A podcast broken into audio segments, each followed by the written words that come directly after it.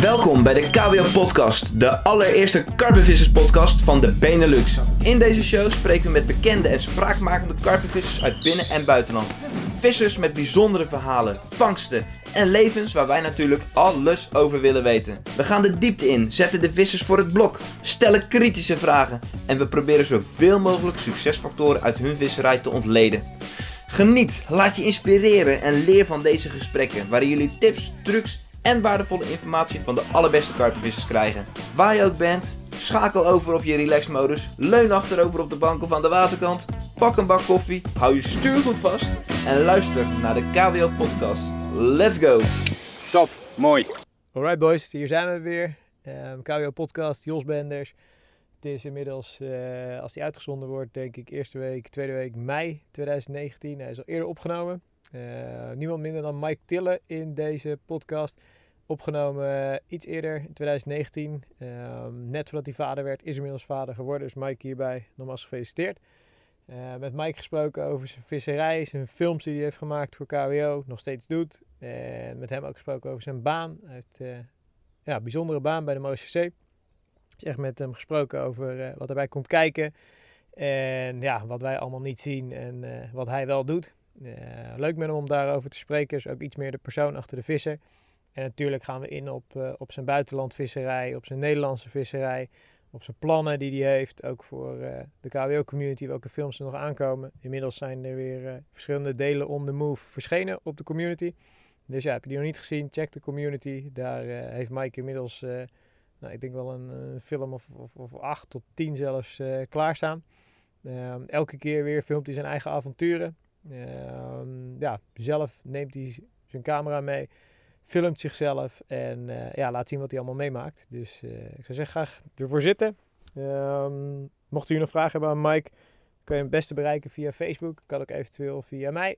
En uh, ja, zoals altijd, laat het weten als jullie tips, trucs, andere dingen hebben. Er komt binnenkort ook een enquête over de podcast live. Zullen jullie ook wel voorbij zien komen om ervoor te zorgen dat hij nog beter wordt, nog cooler. Maar voor nu ja, interview met Mike Tiller. Right jongens, ik heb jullie in de intro natuurlijk al aangegeven dat ik hier met uh, Mike Tiller zit. En uh, het is best bijzonder, want deze kerel die uh, kan elk moment vader worden. Dus zijn telefoon staat aan en mocht zijn vrouw bellen, dan gaan we hem gewoon onderbreken, want dan moet hij als de brandweer naar huis toe. Zijn vrouw is uitgerekend op 1 maart en we nemen dit op op 25 februari, dus spannend. Hey Mike, welkom. Dankjewel. En ik zou je gewoon zullen vragen voor KWO-luisteraars. Eh, de meeste zullen je ongetwijfeld inmiddels wel kennen, maar eh, gewoon even kort en bondig. Wie is Mike Tille? Ja, dankjewel. Uh, nou, ik ben Mike, 27 jaar oud en ik ben woonachtig in Bad Verdorp. Dat is een, uh, ja, dicht bij Schiphol. En vertel, waar, waar, waar kom je vandaan? Waar ben je opgegroeid? Uit, altijd in die regio gewoond? Ja, ja? ja eigenlijk nooit weggegaan. En ik woon daar nog steeds. Ik ga daar straks ook gewoon weer in de buurt wonen. Ja. Ik uh, ben geboren in, uh, in het Slotenvaartziekenhuis, dat is Nieuw Sloten. Ja. Dus uh, ja, Amsterdam Nieuw-West. Oké. Okay. En ja, nog steeds eigenlijk in die regio woonachtig. En wat voor, wat voor nest ben je opgegroeid? broers, zussen, werd nee. er gevist? Nee. Enig kind. Enig kind? Ah, het is echt wel een beetje verwend, verwend nest natuurlijk, hè? Nou, valt wel mee. Ja, ja, ja. Nee, ik heb echt uh, een geweldige thuissituatie, heel stabiel en ja. uh, fijn opgegroeid. Mijn ouders zijn nog bij elkaar. Fijn. Ja. Leuk man. En, en hebben die uh, iets met de hengelsport te maken? Of hoe vis je vader, vis je opa? Nee, ja, mijn moeder sowieso natuurlijk niet. Maar ja. mijn vader wel. Klein beetje eigenlijk. Het is, ja. ja. toen ik heel jong ben begonnen eigenlijk met hem over uh, vissen te praten. Het was eerst, hadden we een vijvertje en dan uh, gingen we visjes vangen in de sloot. Zo begonnen we eigenlijk een beetje. En uh, wij gingen toen ontzettend vaak naar een centerparks in Limburg. Ja. Yeah. Lommeberg heet het volgens mij. Ja. Yeah. Nou, daar is het eigenlijk een beetje ontstaan. Dan gingen we met broodvlokjes op karpers vissen en met een blokje kaas nog. Hadden we nog van die rode balletjes. Weet je wel, van het wit en rood. Ja. Zo'n ding, die klipte je erop. Nou, dan keek je heel de dag naar het wakentje. Ja, echt van die cirkeltjes. Ja. Die gebruikte ik ja, voor die snoeken balletjes. altijd. Ja, ja. Ja. En uh, ja, zo is het eigenlijk begonnen. Oké, okay. en maar hij was wel al, hij was wel vissende, zeg maar. Hij, hij had wel dat vuur in jou op de een of andere manier. Uh, nou, ik denk dat hij het meer deed omdat ik het heel erg leuk vond. En ik was volgens mij best een redelijk druk kind. Dus na zo'n dagje aan de waterkant dan sliep ik s'avonds lekker. Dus ik denk dat het mooi meegenomen ah, was. Okay. Dus het was ook in hun belang dat ze jou lekker mee naar buiten Ja. Tof, tof, tof. En had je dan in die tijd had je ook gewoon gasten uit de buurt die net zo gek waren van vissen? Of was je een beetje de enige die... eh, Ja, ik was toen wel heel erg lijp van voetballen. Ik heb echt jaren gevoetbald. Ja. En dat was eigenlijk wel de hoofdreden en ook ja, waarom wij altijd buiten waren. Niet echt dat ik heel veel vissende vrienden had. Sowieso tot mijn zestiende niet. Ja. Iedereen waar ik mee was voetbalde eigenlijk. Dus dat, dat waren we eigenlijk de hele dag aan het doen. Ja. En dat vissen deed ik er toen eerlijk gezegd wat meer bij. Maar viste je in die periode wel gewoon veel of zo, zeg maar? Als je kijkt naar de middelbare school. eh, Ja, het was meer vaak gewoon met mijn pa. En dan ging ik gewoon wel een beetje, ik deed van alles. Pluggen, ehm feeder heb ik een tijdje nog gedaan. Maar het was meer eh, ja, op dat moment wat ik, wat ik wilde vangen. Op een gegeven moment hadden we een hele tijd wilden we alleen maar palingen vangen. Dan gingen we daarop vissen. Ja. Of baarsen. Of, Ja. Het waren allemaal van die momenten. En, dan, eh, en, en ik heb heel lang gezeevist. Dat weten heel veel mensen niet. Maar ik heb echt, nou, zeker tot mijn zestiende, echt fanatiek gezeevist. We waren een, eh, een vakantiehuis op Texel. Ja. Nou, daar gingen we twee of drie keer per jaar heen. En dan gingen we gewoon na een paar weken. En dan viste ik heel veel van het strand. En Oké. heel veel vanaf de boot. Maar wat, eh, ik heb geen idee, waar, waar vis je dan op? Vanaf het strand? Wat vang je dan? Eh, ja, eigenlijk van alles wat er zwemt. Het Ja. maakt ons eigenlijk niet uit als we maar beter hadden. en dan met eh, van die, van die pieren of Ja, zo? die- zeepieren, Ja. zagers. En, en dat was gewoon echt, echt wel tof. Helemaal omdat je natuurlijk met je vader gewoon lekker aan het struiden bent. Ja, en, en lekker op het strand staat. Dus dat vond ik echt mooi om te doen. Dat heb ik jaren gedaan. En maar en alleen vanaf het strand of ook boot op? En, eh, ja, boot op. Maar wat eh kabeljauw, eh, wat vang je dan? Ja, echt van alles, joh. Mijn vader is wel zeeziek, dus we konden niet verder Noordzee op. Dat Ja. hebben we wel een paar keer geprobeerd, maar dat ging niet goed. Met het te wild. Dus ja, we gingen wrakvissen, makreelvissen en op een gegeven moment heel veel de Waddenzee bevist. Nou, de pieren van een muiden is natuurlijk lekker dichtbij. Ja. Dus dat, hebben we, dat, dat deden we eigenlijk samen superveel, want dat vond hij ook heel erg leuk om te doen. En het karpenvissen, ja, er komt gewoon veel meer bij kijken. Mhm. Kijk, een simpel korstje in de sloot gooien en, en, en dat, dat vond hij wel leuk. Maar zodra het met voorvoer en dat werd hem al wel weer te veel. Ja. Dus daar haakte hij al gauw af. En wanneer is dan dat moment voor jou geweest dat je, eh, je echt zei van oké, nu ga ik me focussen op karpervissen? En kan je dat nog herinneren? Wanneer is die fase geweest? Ja, vanaf mijn zestiende, toen ik eigenlijk een brommertje kreeg, toen, eh, toen was ik wat mobieler. Ja. Dus ik kon wat meer, eh, bij ons in de regio heb je ontzettend veel water. En ik kon gewoon wat meer, ja, meer van de regio bevissen. En eh, toen is het wel wat meer gaan centreren op het karpenvissen. Oké. En ook gewoon, ja, nee, op een gegeven moment wil je ook gewoon steeds grotere vissen vangen. Dus karper was voor jou logisch dat ja. het- ja, ik heb nog een tijdje gesnoekt, maar eh, daar ben ik wel weer eens redelijk snel van afgehaakt. Oké, doe je nu ook niet meer in de winter eigenlijk Nee, gewoon. nee. Vis je door in de winter? Ja. Ja? Ja, het is echt alleen maar karpenvissen nu. Oké, maar ook gewoon in de winter maak je nog steeds je uren. Je gaat Ja. gewoon. Ja. Nou, strak. Daar komen we zo nog wel even, eh, even op terug. Ehm hey, Mike, je hebt natuurlijk, eh, ik vertelde in de intro al dat je, nou, spannende tijd, je wordt zo meteen vader. Eh, ben je getrouwd? Vriendin? Wat, wat is je... Ja, ik ben nu al inmiddels bijna zes jaar met Melis. Dus Oké. geregistreerd zijn we samen. Dus een soort van getrouwd. soort van, ja. Ja, En dit is jullie eerste, toch? Ja. Oké, spannend man. ja. Hoe eh, is dat? Ik bedoel, ja, ik heb Ja. nog niet de kids, ik heb nog niet het geluk gehad, maar ik kan me voorstellen. Ja, je weet niet echt wat je, wat je te wachten staat. Ja. En, eh, en dat is het vooral, denk ik. Ik denk dat eh, we vinden het allebei superleuk. En ja, we laten het gewoon een beetje over ons heen komen. Ja. Hoe, is die zwangerschap gegaan? Is goed? Ja, is echt, Ja? echt, echt een super zwangerschap. Het is nu wel, omdat we in de laatste week zitten, hebben ze wat meer problemen gewoon. Ja. Maar ja, dat heeft bijna iedere vrouw. Ja. En, eh, maar daarvoor mocht ze echt niet klagen. Ze hebben heel veel tot echt, nou, tot een week of drie, 34 hebben we echt bijna gewoon... eh, Gewoon heel relaxed. eh, nou, ja, super. op vakanties gekund, lekker op weg en uit eten nog geweest. Oké. Geen misselijkheid. Hormonen ook gewoon relaxed. Ja, Goed te relaxed. doen. Ah, Ja, ik heb echt gewoon mazzel met mijn vriendin, want die is gewoon sowieso heel relaxed in, in hoe ik ben. Ja. Want zij kent mij niet anders dat ik al natuurlijk heel veel vis en weg ben. Ja. En voor mijn werk ben ik ook vaak weg, dus ja. Ze weet wat, eh wat ze ja, huis ze gehaald weet heeft. wel eh, dat Ja. ze mij gewoon niet thuis moet, eh, moet Nee, gaat het niet worden. Gaat nou, heeft Michiel ook wel een leuke vraag over. Gaan we het zo nog over hebben. Eh, en je maakt al een klein bruggetje eh, werk, hè? Eh, ik ben wel heel benieuwd, wat, wat, heb je voor, wat heb je voor middelbare school gedaan? En, en wat is daarna een beetje je pad geweest? Ik, eh, ik zat in een schakelklas met VMBO T was dat toen HAVO. En eh, ik wilde al heel lang eh, het leger in. Ja. Ehm, dat wist ik eigenlijk al vrij jong. En eh, middelbare school was niet helemaal mijn ding. Ik was vaak eh, alleen maar bezig met voetballen of met sporten sowieso. Ja. Dus eh, dat vond ik eigenlijk veel belangrijker. Dus ik ben toen ehm, na twee jaar die in die schakelklas gezeten te hebben, naar het VMBOT geplaatst.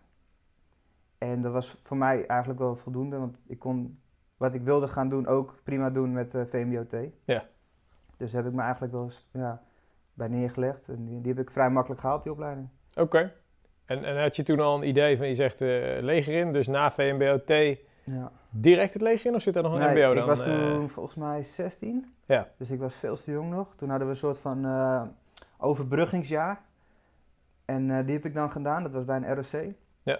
Om gewoon puur, ehm, ja voor mij, je, je, je hield wat beveiligingsdiploma's. Ah, ja, en ja. je, je, je, je was wat bezig met, met, met de stof alvast. Vanaf hoe oud mocht je dan? Volgens mij vanaf je 16e. Mocht je starten bij het leger? Of? Nee, nee, nee, nee. Dan mocht je zeg maar die schakel, eh, het schakeljaar in om te overbruggen. En vanaf 17,5 mag je eigenlijk mag je aanvangen met de opleiding. Oké, en dat heb je ook direct gedaan Ja. toen. En waar was je toen? eh, is dat meteen dat je intern gaat ergens? Ja? Ja, ik heb eigenlijk wel een hele, hele rustige jeugd gehad. Want eigenlijk ga je Ja. vanaf je 17e, 18e ga je weg met vrienden op vakanties naar eh, waar dan ook. Ja. Ja, en ik zat gewoon op een kazerne daar ook. Of ik lag ergens in een bos. ja. Waar, Dus, waar, waar eh, heb je intern gezeten? Waar zat je? Ik zat eerst eh gedeelte, het militaire, het groene gedeelte noemen wij dat. Dat was eh, in Eefde. Ja. En dat was bijna zes maanden volgens mij. En toen het blauwe gedeelte, zeg maar, dat je de wetgeving en eh, meer functiegericht, dat was nog een maand of drie volgens mij. Dat Ja. was in Apeldoorn. Oké. En, en heb je voor jezelf, als je terugkijkt naar die periode... want je werkte inmiddels bij MOCC, hè? Ja. Daar komen we zo nog even op, op terug. Eh, was dat de juiste keuze voor jou in die, ja, in die fase, zeg maar, dat je het leger in bent gaan? Heb je daar echt zoiets van, joh, dat... Ja, het heeft me heel veel gebracht. Oké. Het is op zich wel een best wel stabiele omgeving. En eh, je krijgt ook een bepaalde mindset, hoe noem je dat? Ja, ik snap wat je bedoelt. Dat je, eh, De discipline, Ja, de de, discipline. structuur. Ja. En eh, ja, dat, dat was gewoon wel wat ik op een gegeven moment nodig had. Ik ben een heel impulsief mens eigenlijk. Dus ik ben heel snel enthousiast. En als ik heel enthousiast ben, dan ga ik ook heel hard in één keer. En dat heeft me wel wat meer geremd en wat meer gaan nadenken over dingen. En dan, ja, ook gewoon, als je iets kiest, dan doe ik dat wel bewuster. Ik weet wel heel goed waar ik mee bezig ben. En die opleiding, als je daar terugkijkt, eh vond je dat ook gewoon leuk, zeg maar? Ik heb zelf geen idee. Ik, ik roep wel eens van, joh, als ze ooit dienstplicht weer doen, zou ik het best strak vinden. Omdat je daar toch een bepaald beeld bij hebt of zo. Hè? En dienstplicht en Ja. echt het leger in zullen ongetwijfeld heel anders zijn. Maar eh, hoe heb je dat ervaren? Vond je dat mooi, die jaren? Waren dat... Ja, ik vond het toen verschrikkelijk. Ja? Ja, Oké. Ik denk, eh, je gaat nu vertellen dat je het prachtig vond, maar dit was ja niet helemaal kijk, jouw ik ding. vind het nu heel tof. En eh, dat was wel zo, wij gingen dan een, wij kwamen op. Nou, en dan ga je eerst eh, een paar maanden daarvoor, eh, heb je wat gesprekken, wat keuringen. Ja. En dan vind je het allemaal nog tof. En dan, dan denk je echt, ja, dat gaat binnenkort gebeuren. Uiteindelijk ga je naar zo'n kledingpunt. En dan krijg je, al je, krijg je twee van die winkelkarren vol met spullen. Ja. Thuis allemaal uitpakken natuurlijk. En kijken wat er allemaal mee moet. Nou, dan kom je eigenlijk eh, op de dag van aankomst bij de kazerne. En dan, en dan, dan begint eigenlijk al meteen van... Gast. Hero ga jij gewoon luisteren naar mij. En dan... Ja? Ja, dat is wel meteen gewoon, omdat wij natuurlijk heel jong nog zijn, kunnen ze ons nog prima vormen natuurlijk. Ja. En dat merk je wel meteen. En dat, eh, ja, dat is gewoon meteen je tas inpakken en gaan. Oké. Dus je kan je ouders gedag zwaaien en dan was het meteen eh, de hindernisbaan op. Volgens mij was het meteen die week al op bivak, intro bivak. Ja. Ja. en dan is het nog wel redelijk, redelijk mal, eh, tenminste gewoon, het is een heel rustige setting nog die week. Maar daarna ga je echt, dan leer je elkaar een beetje kennen in die week. Ja. Dus je doet wat samenhorigheid dingetjes, beetje sporten met elkaar. En dan, eh, ja, dan begint het, dan ga je leren schieten, van alles en nog wat. Maar vooral de bivakken, dat was op een gegeven moment wel... Dat is wel afzien. Nou ja, ik lig liever zeven dagen in mijn tent in Frankrijk. Ja, dat snap ik. daar, eh, Ergens in het bos eh, oefeningen aan het doen bent. ja, dat, Ja. dat s'nachts wakker worden en, en putjes moeten graven. En ja, op een Ja. gegeven moment denk je wel van... Je zit ook natuurlijk met zo'n heel klein 24 uur rantsoentje. Ja, ja. Ja, het is allemaal wel te doen, maar, Dat was wel even... maar het was wel even wennen. Ja. Maar je vertelt wel dat je er veel aan gehad hebt. En dat je ook wel veel gebracht heeft die periode. Ja, je gaat de kleine dingetjes meer waarderen. Ja. Heb je sowieso natuurlijk, als je een langere periode in Frankrijk bent, dan ga je bijvoorbeeld een douche of een Gewoon je luxe, je normale, Ja, ja. waarderen. Ja. Maar het was toen, eh, ja joh, ik was 17 en eh, ik had echt, eh, ik, ik kwam uit best een luxe positie. Ik had thuis gewoon goed, ik had helemaal geen zorgen. En daar kreeg je in één keer een zootje verantwoordelijkheden erbij. Ja. En als je niks fout deed, dan werd heel je groep gewoon meteen... ermee Gestraft. ge- Ja, tuurlijk. Van, nou Mike, omdat Mike dit niet heeft gedaan, gaan we Ja. allemaal maar even rennen. Was je, eh, hoe zeg je dat? Was je de een die wel eens voor problemen zorgde? Ja. Ja? Ja, kijk, ik ben altijd wel, ik hou van humor. Ja, ja. En dan hadden we eh, bepaalde oefeningen gedraaid en dan Ja. maakte ik er weer een geintje over. En dan, ja, dat hoorde dan het kader, hoorde dat dan weer. Ja, en dan kon ik me weer melden en dan gingen we weer. Met een touw over de, over de Ja. tankbaan rennen of, eh, ja, of ik maakte weer een verkeerde grap op het verkeerde moment. Maar dat was meer gewoon ook om het ijs te breken, omdat die setting altijd zo serieus was. Ja. En ik wel van mening ben, als je zulke dingen aan het doen bent, moet je er ook gewoon schik in hebben. En het is ook voor de groep om samenhorigheid, Ja. vind ik humor erg belangrijk. ja. Maar het zat er nu niet helemaal... eh, Ja, dat op dat moment werd dat natuurlijk niet. eh de jongens vonden het leuk, maar eh, het kader die denkt van gast, dit gaat er niet worden. even je mond, Ja. want we zijn serieus bezig. Hey, en als je, er zijn ongetwijfeld eh, misschien jonge luisteraars die nu eh, 15, 16 zijn, keuzes moeten maken. Eh, wat zou je zeggen tegen die gasten die ook overwegen het leger in te gaan? Zou je zoiets zeggen van, joh, als je, als je inderdaad met die lichamelijke oefening, het avontuur, eh, zou je dat aanbevelen? Hoe, hoe zie je dat? Ja, toch wel. Ja? Je krijgt echt een behoorlijke rugtas. Dat dan weer wel. De, de organisatie is wel zo ingesteld.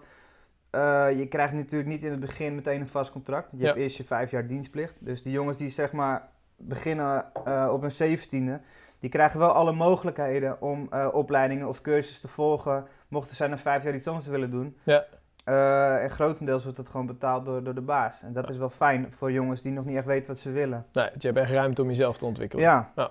Ja. Ja. en dat is wel iets. eh, kijk, in het bedrijfsleven heb je dat toch minder. Ja. Dan moet je eerst bewijzen, moet je je, je, je targets halen. En Ja. eh, bij ons is het gewoon, gewoon van doe je best. En de baas die faciliteert eigenlijk gewoon. In, ja, alles is voor, de rest wel goed geregeld. Oké, tof. Hey, en ehm, nou, leger, vertel je al, dat is twee jaar uiteindelijk geweest, twee, drie jaar je opleiding? Of hoe, hoe lang heb je? Nee, een jaartje. Jaartje. Ja. En daarna, welke kant ben je opgegaan? Wat heb je? Deden we eerst de pleiswacht. Ja, dat beginnen wij eh, vaak. En dat is gewoon een. Want vanuit het leger ben je de. Marseille ingegaan direct. Nou ja, de Marche is het leger. Tenminste, we hebben Oké. natuurlijk vier krijgsmachtsonderdelen. Ja, En Marche is daar één van. Ja.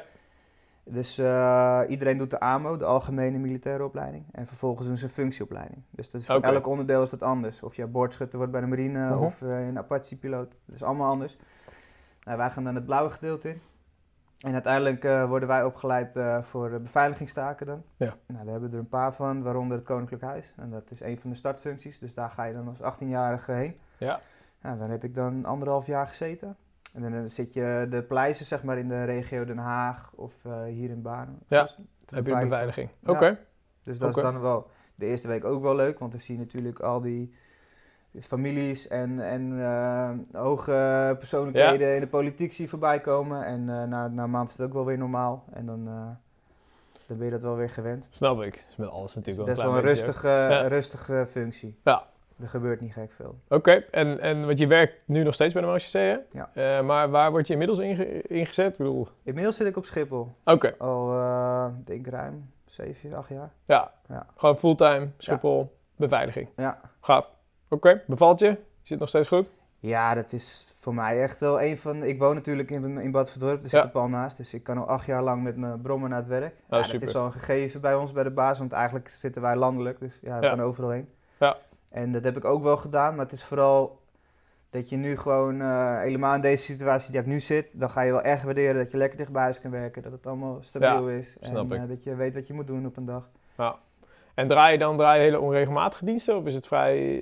Ja. het is gewoon nachten, Ja, weekenden. het is 24-7, dus Ja. wij zijn eh, onregelmatig. Oké. Ja. En train je nog... eh, zit je nog continu in opleiding ook? Is het, is het op en aan, zeg maar, qua... Ja, bijscholingen, cursussen hebben we dan. Ja. En het, dat verschilt van, van, van andere eh, wapens krijg je weer een opleiding voor, tot explosieve kennis, tot Ja. rijden met zwaailichten, tot en met leidinggevende opleidingen. Dus het is heel divers. Oké. Cool. Ja, dus eigenlijk van alle facetten eh, ben je wel wat mee bezig. Ja, En hoe langer jij bij de baas zit en hoe meer jij klimt met jouw rangen, ja, hoe meer cursussen en bijscholingen je moet krijgen natuurlijk. ja. Nou jongens, veilig gevoel dat je weet dat Mike Tille over Schiphol... eh, Ja. En ik Oogje- zie nog best wel veel karpers ja, dat geloof ik. Oogje zaal. aantikken. ja, dat geloof ik. Ja, Ja. Die, eh, Die vliegen natuurlijk vaak eh, via, via Schiphol. Ja. En dan komen die gasten weer aan. ja bekende kop Zie je ze eerst drie, vier keer kijken. En dan denk ik, hé, hey, daar loopt Mikey. Ja, Hey, en Mike, ehm, je geeft aan vanaf je zestiende eh was je echt veel meer op karper gericht. Hè? Ehm, waar stond je toen qua niveau? Zo? Was, dat, was je nog echt aan het, aan, het, aan het experimenteren, aan het beginnen? Of was je, zeg je van joh, 16, 17 wist ik echt al mijn vissen te vangen en begon ik al serieus, eh, ja, hoe zeg je dat, klaar te zijn voor het grotere werk? Ja, dat is lastig. Weet je nog uit die tijd? Ving je wel eens wat in die tijd? Of, eh, Ja, ja, ja? ja, maar ja, ik, ik merk wel dat, zeg maar, nu zijn we bijna tien jaar verder. Ja. Dat het nu wel bij ons in de streek sowieso lastiger is geworden. om vis te vangen überhaupt? Ja, kijk, Ja. vroeger ging ik naar Sloterplas en dan ving je gewoon eh, makkelijker je vis dan nu. Ja. En, eh, maar ik was toen, vanuit de zeevisserij kon ik al best wel ver gooien. En eh, ik was wel wat meer bezig met mijn aas, mijn haakjes moesten scherp zijn. Ja. Dus dat zat daar ook allemaal in. Het heeft best wel veel raakvlakken met dingen. Alleen vooral het gooien, dat, toen had ik nog helemaal geen geld voor een voerboot. Ja. Of wat dan ook. Dus op zich, ik gooide eh, verder als de rest. En dat is op de bosbaan bijvoorbeeld dan belangrijk op dat Ja. moment. Dan kon je weer net goed eh, komen waar de vis zat. Ja. En ik was toen ook, eh, dat was ook grappig, er was toen een tijd ook dat ik nog super fanatiek op meerval viste in Nederland. Oké, maar Ja. echt specifiek meer van. Ja, En, maar Ja. dat, dat, naast het karpervissen dan, in die ja ik, ik ging vissen toen op de Westeinde plassen, op. Karpen. En dat heb ik toen een paar maanden gedaan met een, met een vismaat van mij. Ja. En eh, uiteindelijk vind ik een paar van die meervallen vond ik veel vetter.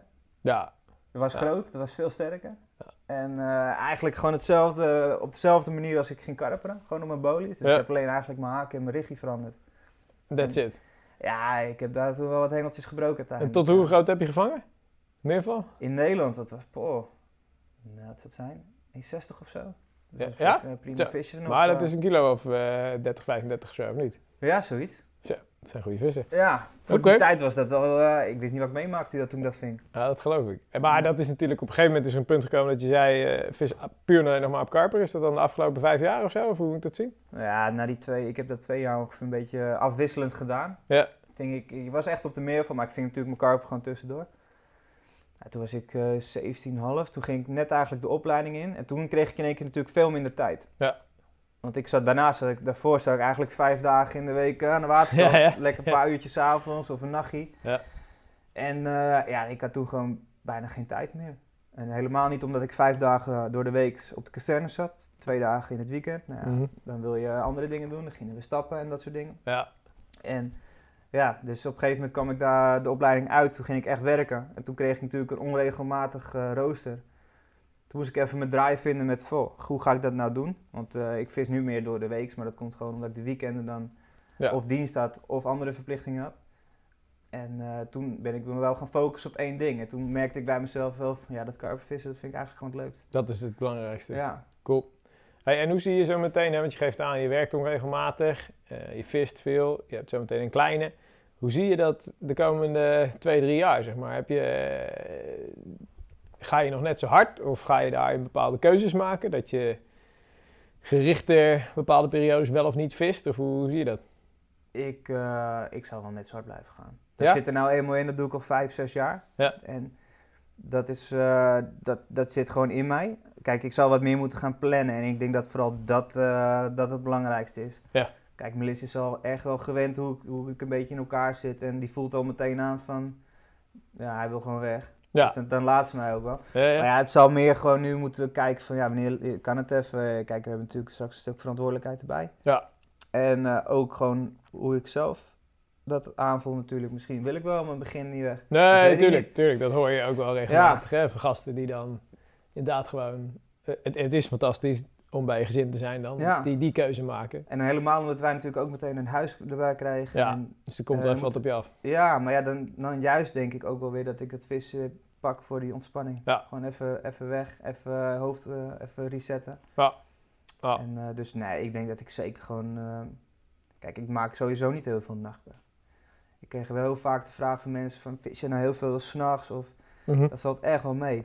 Ik vis wel vaak tot in de nacht, maar dan ga ik gewoon om een uur of één naar huis. Dan Ja. slaap ik gewoon thuis. Ja. Omdat ik gewoon merk dat het bij ons, dat werkt gewoon het beste.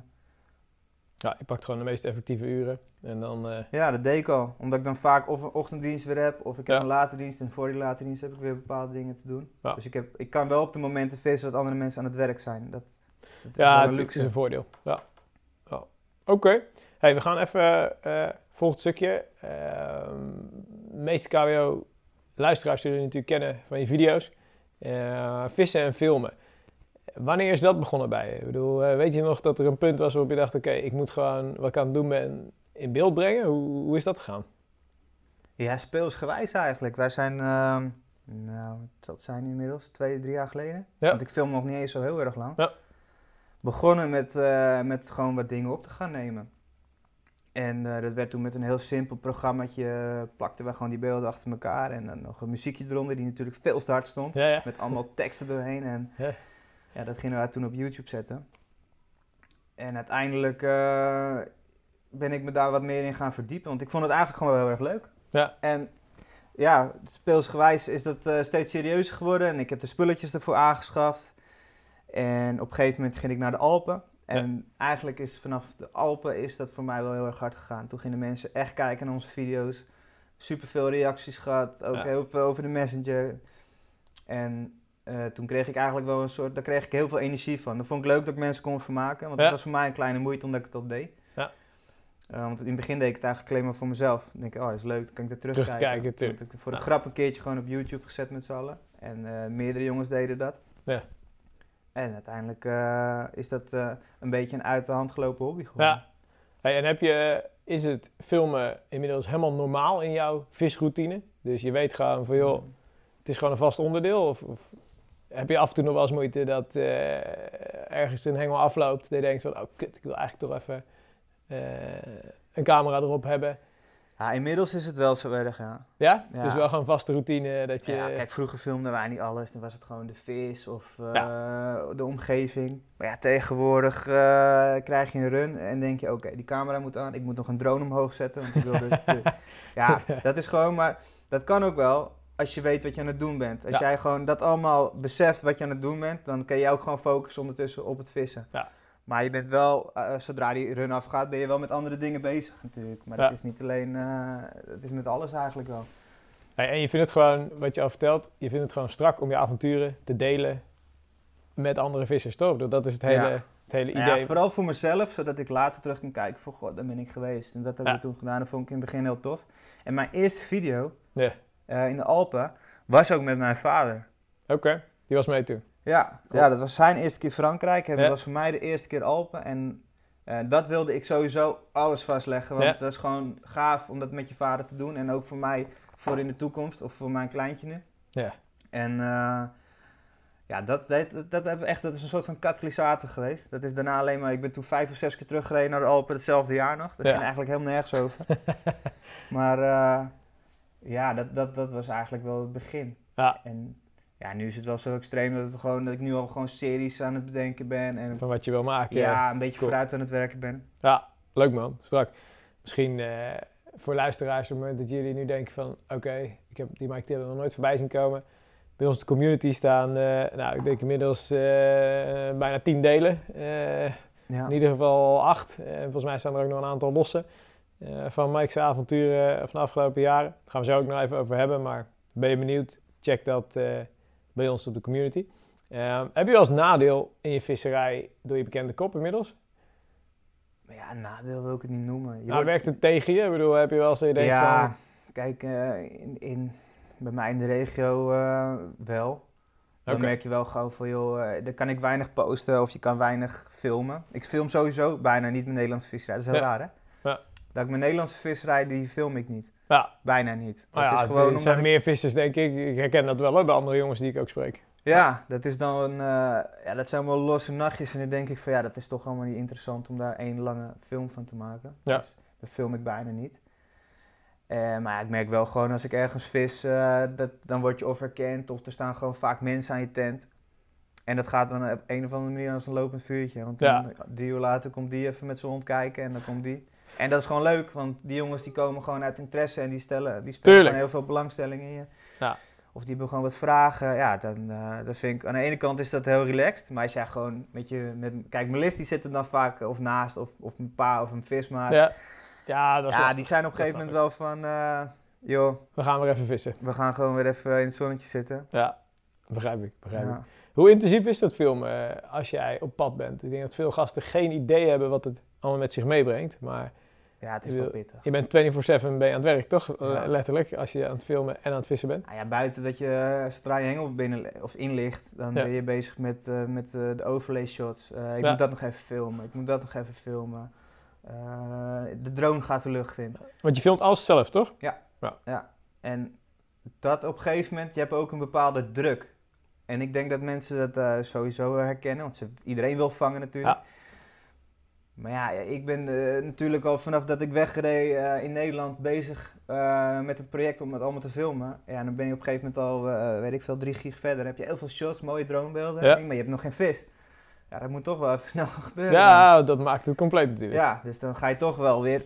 Op een gegeven moment is het ook een stok, ja, stok achter de deur om gewoon wel te blijven zoeken, zoeken, zoeken met je drone. Ik heb nu tegenwoordig een onderwatercamera. Ja. Zwemmend water, even zwemmen, gewoon kijken op de plekjes. Meerdere plekjes voeren. Ja. En gewoon, ja, als ik dan vissen zie springen aan de andere kant of ik vind ze met mijn drone, dan is het voor mij echt wel een motivatie om alles in te pakken en die kant weer op naar te de gaan. andere kant te gaan. Ja. Ja, tuurlijk. Want uiteindelijk is het wel mijn, eh, mijn project wat ik daar aan het maken ben. En ik wil gewoon zo vet mogelijk project neerzetten. En zoveel mogelijk Vangen. vis vangen. Ja, eh, dat is echt. tuurlijk. Ik ben verslaafd aan veel vangen. Ja, dat Ja, is gewoon ja, het doel. Hey, en als je eh, terug een linkje maakt naar die tijd, wat je zegt in het leger, die discipline, die structuur, dat doorzetten. Als ik je zo hoor, denk ik wel dat dat ook in je visserij heel erg terugkomt, toch of niet? Denk je dat dat, dat, dat ook ervoor zorgt dat je zo hard gaat of zo? Dat je dan die, die Ja. instelling hebt, die mindset vanuit die periode? Ja, weet ik eigenlijk niet. Kijk, toen wij begonnen, eh, ik ben natuurlijk begonnen bij de Paleis en dan was het wel wat, eh, we waren allemaal vrij jong nog daar ook. Ja. Dus we hadden wel bepaalde discipline, maar je zit allemaal met jonge jongens Ja, om elkaar heen ja, ja. en je weet hoe dat gaat. Dan, dan zit je weer s'nachts de Game Boy eh, of de Nintendo of weet ik wat we toen allemaal deden. En drie jaar of vier jaar geleden kregen we natuurlijk te maken in Europa met die aanslagen. Uiteindelijk is bij Charlie Hebdo toen in Parijs is het begonnen. Ja. Toen is er een club bij ons eh, in de organisatie opgericht om eh, dat in Nederland te voorkomen. Ja. toen ben ik daar eh, gevraagd om daar bij die club mij te voegen. En toen kreeg ik in één keer te maken, ik was toen 21 jaar. En ik kreeg een dikke G-klasse onder de reet. En, Ja. en ik kreeg met jongens, te, ik moest met jongens gaan werken die gewoon een hele andere fase zaten in hun leven. Die waren veel verder, die Ja. waren al eh, 30. eh, die hadden, ik had heel andere gesprekken. En toen ben ik wel, ja, voor mijn gevoel op dat moment veel volwassener en snel geworden. En dat is met mijn visserij ook. Toen ben ik in één keer nagedenken. Vroeg, vroeger vond ik 16 uur rijden veel te ver. Ja, En toen hoorde ik gasten, ja, ik ga met mijn kinderen naar het Gardermeer. Denk ik van, ja, die rijdt met zijn kinderen om daar een Ja, week ja. aan het water te liggen. Waarom ga ik niet gewoon rijden? Ja. En toen ben ik wel gaan nadenken van, nee, ik moet ook gewoon nu, want ik heb alle mogelijkheden nu, ik heb de tijd. Dus laat ik dat gewoon allemaal nu gaan doen.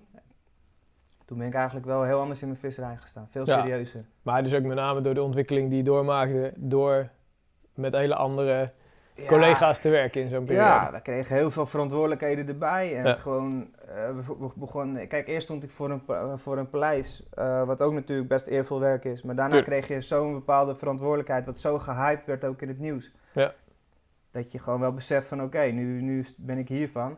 En dat ga ik nu een paar jaar doen. En dat is echt heel, heel mooi om te doen. Ja. En eh, ja, dat maak je wel gewoon... Dat maak je, als je zo jong bent, eh, besef je eigenlijk wat je Ja, het, dat moment nog niet echt aan het doen bent. het vormt je later pas of zo. Zeg maar. Ja, gaandeweg dat je dat aan het doen bent, besef je eigenlijk van, joh, waar ben ik nou mee bezig? En eh, dan denk je echt oké, dit is wel serieus.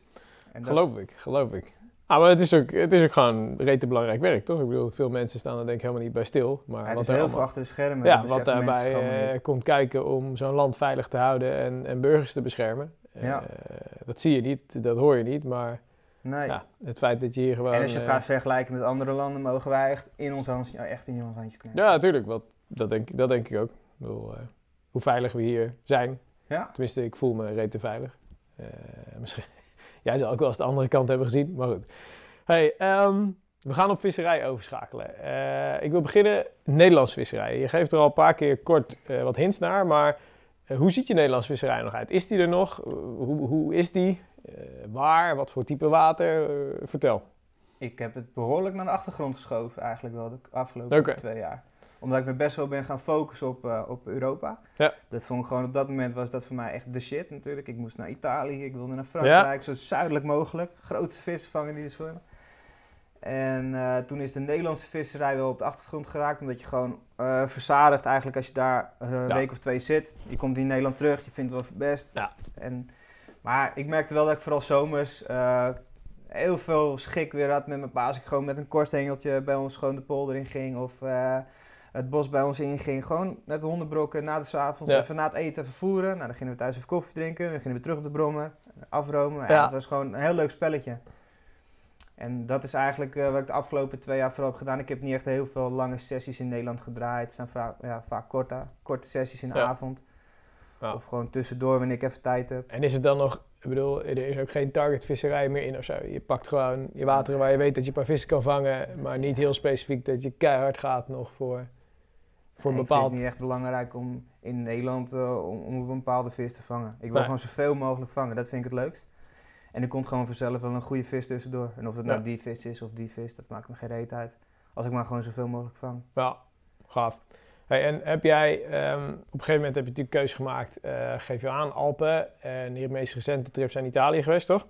Ja, uh, ja je met, Italië zit daar nog tussen. Dus je meest recente trips zijn Frankrijk. En na je eerste periode Frankrijk ben je bewust naar Italië gegaan, toch? Waar, waar komt die switch vandaan? Zeg maar? Ja, waarom heb je op een gegeven moment zoiets gehad van, joh, uh, ik wil toch eens die kant op. Je wil weer wat anders. Ja. Ik ben natuurlijk uh, in, uh, nou ja, vijf keer Alpen geweest. Toen ja. was ik dat wel beu op zich. Terwijl het echt een waanzinnig gebied is, maar het is gewoon gigantisch druk. Ja.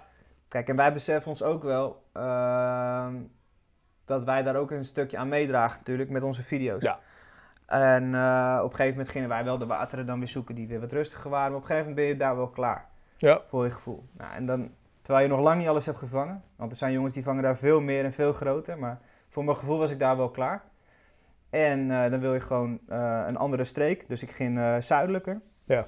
En dat was vrij vroeg al, in maart. Toen gingen we echt helemaal naar de Middellandse Zee. Tegen de kust aan. Hadden we het water bevist. En dat is gewoon echt een heel ander gebied.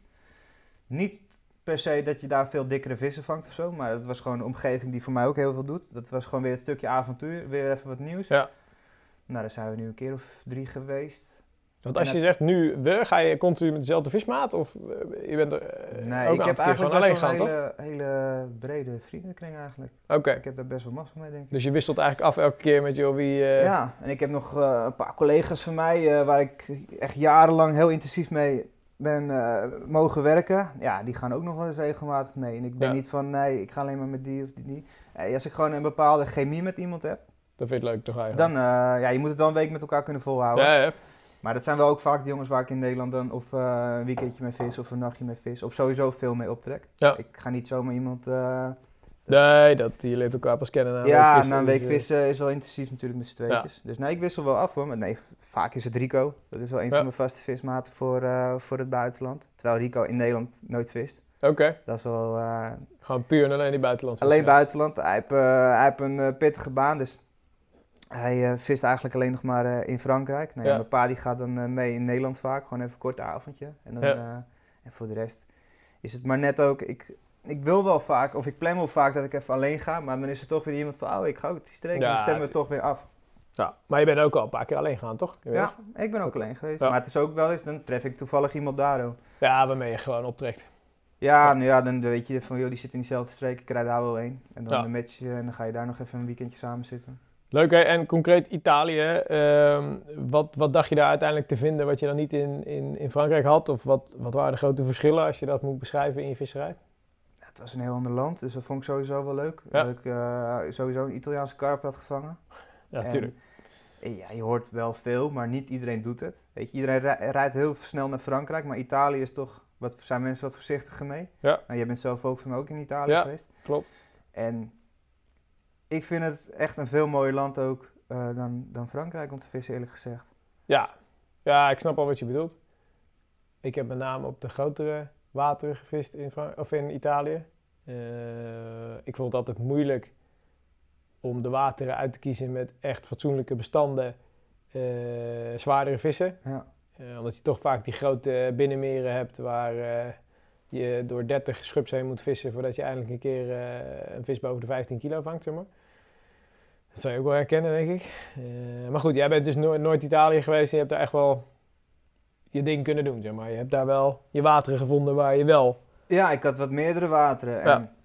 Een collegaatje van mij, eh, die was op een bepaalde eh, camping geweest met een waterdrang vast. Die had wel leuk gevangen en ik hoorde toen van die. En Ja. ook gewoon op mijn werk, eh, omdat die gasten ook vaak met een gezin naar Italië gingen. Die zaten dan 9 van 10 keer aan zo'n lago. Ja, ja. Ja, die zeggen, ja, bij mij staan er altijd van die groene tentjes voor. Want ze wisten natuurlijk allemaal dat ik karp viste. En ze Ja. keken ook wel eens de videootjes, toen ze nog op YouTube stonden. Want niet iedereen is natuurlijk aan Ja. Maar ehm, ja, die zeiden van, joh, waarom moet je daar... En op een gegeven moment had ik best wel een leuk inzichtelijk kaartje met voor... ah, daar zitten wel eens karpvissers, daar zitten wel eens karpvissers. Want je vindt er eigenlijk helemaal niks over. Nee, En nee, wat je vindt is, klopt. is eh, allemaal, allemaal dat schubwerk. En ik vind toch wel spiegels, eh, vind ik wel gaaf om te vangen. Ja. Ik weet niet waarom ik dat heb, maar ik heb gewoon daar lichte voorkeur voor. En, eh, maar ja, die zijn in, in Italië grotendeels wel wat zeldzamer natuurlijk. Ja. En uiteindelijk kwam Rick van de Graaf, die zei van, goh, die heeft toen al acht jaar geleden, had hij gevist op een bepaalde plas, daar zaten aardig wat spiegels op. En dat is op een gegeven moment voor mij de trigger geweest. Ik ging in maart ging ik met Rick naar Zuid-Frankrijk. Ja. Nou, toen, hadden, toen kwam het er zo over. En toen is dat voor mij wel een antwoord geweest van, nou oké Mike, luister. Dit jaar, eh, we zijn genoeg naar de Alpen geweest. En ik had ook wat sessies in het najaar staan voor Frankrijk. Ja. En, nou, als je dan iets anders gaat doen, en ik had nog in mei, had ik nog twee weken. Dan gaan we gewoon in mei naar Italië en we zien het wel. En het was acht jaar geleden, dus je denkt dat je wat handvaten hebt, maar er verandert best wel veel op zo'n water. Ja, En ja, toen ik helemaal Italië inreed, gewoon de mensen eh, zijn voor mij ja, gewoon veel vriendelijker, veel opener. Het is allemaal wat gras, gras ja, ook op zo'n camping. Dan kom je op een camping aan, er zit dan een Nederlandse host. Nou, Ja. Het is gewoon ideaal. Ja. Het eten is lekker, het, ja, het weer is mooi, de omgeving is prachtig. dus geen spijt van die keuze om die kant op te gaan. Komt Nee. die, eh, ga je nog eens terug komende jaar? Heb je nog plannen voor dit jaar dat je die kant weer op Ja, ik gaat? denk dat Melissa heel graag terug wil, Ja. want het was gewoon echt een hele mooie camping en gewoon een waanzinnige omgeving. Dus Ja. ik denk dat we wel terug gaan. Kijk, voor het vissen, ik heb daar echt wel veel gevangen. Ik Ja. heb eh, ook op een ander water gevist, dat heb ik nog niet gefilmd. Maar dat, dat is echt wel leuk om gewoon daar eh, twee, drie weken met je gezin te vertoeven. En het, is, het combineert ook goed, want er zit gewoon echt heel veel vis op. Ja. Dus eh, of ik er terug ga, zeker weten. Ja. Dat gaat ik weet niet eh, precies of dat het water ook precies hetzelfde wordt. Want ik heb wel ook wateren nu. Inmiddels nu ik daar geweest ben, kom ik weer met andere vissers daar in de Ja. regio in contact. Ja, ik heb zat dat ik het daar wil, maar ik moet er wel even tijd voor hebben. Ja, dat geloof ik. Het is toch wel weer... Het eh, zijn allemaal wel echt, een lago is daar echt gewoon groot. Ja, Dat eh, weet jij ook, het zijn niet de. Franse stuwwatertjes. Nee, Het is allemaal gewoon echt wel, dat zijn wel flinke plassen. ja, dat is en qua materiaal en qua... Wat heb je? Je hebt je, je VW, eh, wat is het? eh eh, Touareg, toch?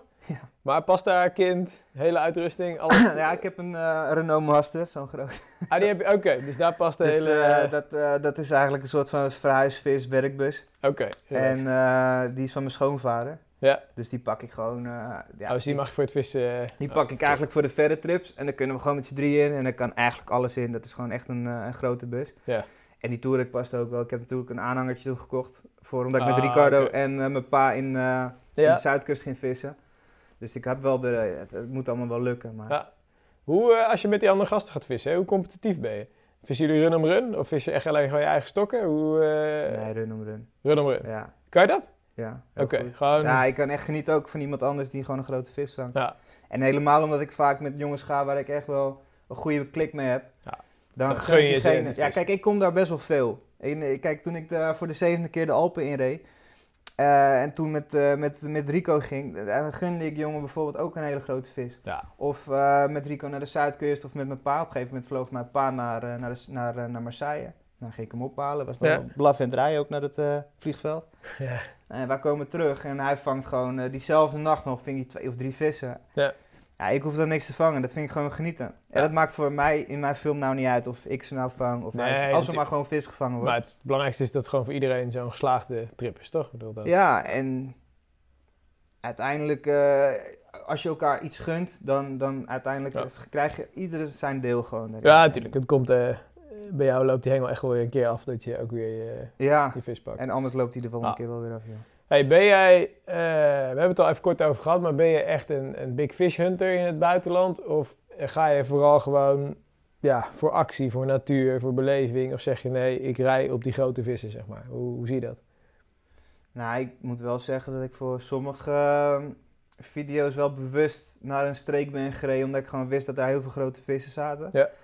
Maar eh, ja, 9 van de 10 keer ga ik wel gewoon echt veel te vangen. Oké, Maar maar, is je sessie geslaagd als je een uh, bepaald uh, aantal kilo's op je schaal hebt? Of is je sessie geslaagd als je terugkomt met gewoon een lekker aantal vis, uh, heerlijke vis bijgekomen? Ja. Nou ja, voor, kijk, voor mij is een 20 kilo vis nog steeds een grote vis. Ja, tuurlijk.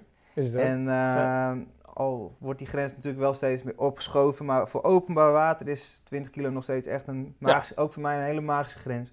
Dus als ik die vang, dan, dan is sowieso mijn sessie al geslaagd. Ja. Maar ik kan ook een 18 kilo of 17 kilo als die mooi is. Of als, dat vind ik ook prachtig. Eigenlijk is het gewoon, ik wil gewoon heel veel vangen. Ja. En dan moet je gewoon geluk hebben, zit die 20 kilo of die 25 kilo ertussen. Ja, dat je maar het is niet dat ik precies van, joh, daar zit 30 kilo, daar ga ik Die moet ik naartoe. hebben en dan pas Nee. is het geslaagd. Oké. Nee. Oké.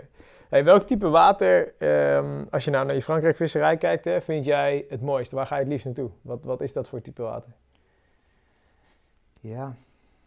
Ja, toch een, een stuwmeer of een zandafgraving, dat vind ik wel... eh, ik ben geen riviervisser. En qua formaat, ik bedoel, ga je echt voor de... Nee, dat mag voor mij 5 hectare zijn, dat mag voor mij 100 hectare zijn. Dat Oké, maakt me niet uit, geen, als het maar eh, gewoon een mooi water ja. is. Nee, ik heb op een azuurblauw watertje gevist bij Lyon. Ja. Nou, dat was 5, 5 hectare groot, 4 meter diep. Ja. daar heb ik ook een weekend echt schik gehad. En, eh, maar ja, oh, Italië, dat was, eh, weet ik veel Ja, natuurlijk. Dat was mega. Ja, En dat was 25 meter diep. En dat, dan heb ik, ook- dat geniet ik ook. Maar het is wel... Ik vind de diversiteit juist het leukst. Ik denk niet dat ik alleen maar op stuwwater zou willen vissen. echt een mix wil je. Nee, een rivier trekt mij eigenlijk niet. Dat is eh, gewoon, dat is niet mijn ding. Ik weet Ja. niet waarom. Ja. Het is, ook kanaal vind ik ook niks. Niet jouw, eh jouw, nee, jouw ik zit liever gewoon op een, op, een, op een put of op een plas of op een meer dan dat ik op een kanaal of een rivier zit. En hoe is het eh, als jij kijkt en je komt ergens aan? Ik bedoel, wil jij helemaal je eigen ding kunnen doen? Staat ergens anders een bivy, word je al lijp en, en rij je door? Of ben je, eh, doe je ook je ding op het moment dat er andere vissers zijn? Hoe zie je dat? Als ik weet dat een streek rustig is, dan, eh, dan word ik wel eh, onrustig als er al tenten staan. Ja. Maar in de Alpen weet, je, we- we- weet ik niet beter dan dat er vijf of zes biefjes aan het waterkantje staan. Ja. Dus eh, dat moet je een beetje per water zien. Maar ja, ik hou wel van rust. Dus als ik eh, alleen zou kunnen zitten op een put, Ja, dan- daar kies ik nu ook wel vaker me bewust of, of de periode dat ik gewoon weet. Kijk, in Italië bijvoorbeeld moet je gewoon niet in augustus zijn. Ja. Dat is gewoon echt, dat alle, vakantie, met alle vakantievissers. Ja, Ja, voor die. Duitsers is het drie uurtjes rijden. Dus die- het zit er helemaal vol mee. En dan is het niet eens vissers, maar het is dan recreatie. Dus dan zit er gewoon, weet ik veel, liggen er misschien wel... eh, 600 luchtbedden. Ja. nee, dat schiet niet op. Dat ik, ik dus dat is wel waar ik nu wel weer rekening mee hou. Daar heb ik me natuurlijk gruwelijk in vergist toen ik met Melis voor het eerst eh, in augustus vet vrolijk daarheen Ja. reed. Maar eh, ja, dat is gewoon waar ik meer naar ga kijken. Ik wil gewoon zoveel mogelijk rust hebben. Dus ik kies daar ook eigenlijk wel mijn watertjes vanuit Zuid-Frankrijk is vaak voor karpenvissers net even te ver. Ja. En eh laten ze dat links liggen, gaan ze toch liever iets dichterbij. Dus dan ga ik juist helemaal naar Zuid-Frankrijk. En nu is het Zuid-Frankrijk wordt weer wat, wat meer gehyped. Dus dan ging Ja. ik een stukje naar Italië. Ja, je probeert eigenlijk de massa voor te zijn ook. Ja, maar dat is lastig, want Ja, het gaat zo ik. snel. Helemaal met, met video's en... eh, En internet en social media en YouTube. Ja, Ja. tuurlijk. Dat, eh, hey, volgens mij heb je redelijk veel met particles gevist. Hè? Ehm, waarom zet je, zet je particles veel in? En is dat eh, ten opzichte van bollen ook ook 50-50 in je visserij? Of kies je juist veel meer voor particles? Hoe zie je dat? Ja, ik ben eigenlijk eh, begonnen met particles, vissen, omdat ik ze verkocht. Oké. En toen ik eh 17 was, 18, kijk, Frankrijk kost superveel geld. Als Ja. jij eh, net begint met werken en eh, nog niet zo heel veel verdient, is dat gewoon echt wel geld. Ja. Dus eh, ik zocht een, een weg om ehm, mijn visserij een beetje te bekostigen. Dus ik verkocht gewoon wat, wat tijgenoten, wat hennep. En dan kon ik gewoon mijn benzine van betalen, eh, mijn campingje Ja. of mijn- mijn mijn- mijn riggies en dat soort dingen. En toen ben ik er ook natuurlijk veel mee vissen, want ik had het allemaal liggen. En eh, uiteindelijk merkte ik gewoon van, eh, helemaal in Frankrijk, dat is gewoon eigenlijk dodelijk aas. Ik merkte gewoon dat ik mijn slings openritste en dat gewoon helemaal vol lag met noten. Ja, dan Ja. ga je steeds meer voeren, meer voeren. En je moet het ook wel durven te gebruiken. Heel veel mensen zijn toch wel wat voorzichtiger, omdat ja, 9 van de 10 mensen vissen toch liever met bolies. Ja. Maar in het algemeen vis ik nu gewoon wel 50-50. En dan is het ik, bij- bijna geen hennep, maar alleen maar tijgenoten en bolies. En tijgers gewoon in, in elk jaargetijde? Of hoe... eh, of, of Ja, je ik durf best wel bepaalde- tijgers winters te vissen, maar dan echt voorzichtig. Ja. Ja, je moet best wel beseffen eh, wat je erin gooit. Dus echt niet veel. Ja. En eh kijk, nou, ik, ik gooi het vaak nog wel eens eventjes door de blender heen. En het is eigenlijk gewoon snoepgoed, er zit niet zo gek veel in. Ja. Ze kunnen het wat lastiger verteren, dat wel, maar als jij niet te veel voert, dan moet je gewoon echt naar uitkijken. Dus, uh, en vanaf, vanaf welke watertemperatuur zeg jij van joh... Uh, die tijgenoten? Ja, ja dan ga ik gas geven? Uh, graad of 10, dan begint het wel een beetje. Oké. Okay. Kijk, nu moet je niet heel veel, nu is het een watertemperatuur van, wat zal het zijn? 6, 6 ja. 7 graden. Dan moet je niet echt veel tijgenoten voeren, liever niet. Ja. Als het niet hoeft, kijk, je gaat er niet heel veel meer door vangen. Maar zomers is het een soort, het is gewoon een soort van snoepgoed. Die vis, die, dat, dat dat breekt natuurlijk onder water, het trekt Ja. weer andere vissen aan. Uh, witvis is er verzot op. En heb je het idee dat als je kijkt dan jouw resultaten op tijgers ten opzichte van bollen, dat zal natuurlijk ook wel een stukje met dressuur te maken hebben. Hè? Volgens mij zijn die Fransen nog steeds niet heel erg eh, liefhebbers van, van, van particles, toch? Ik bedoel, eh, echt tijgers.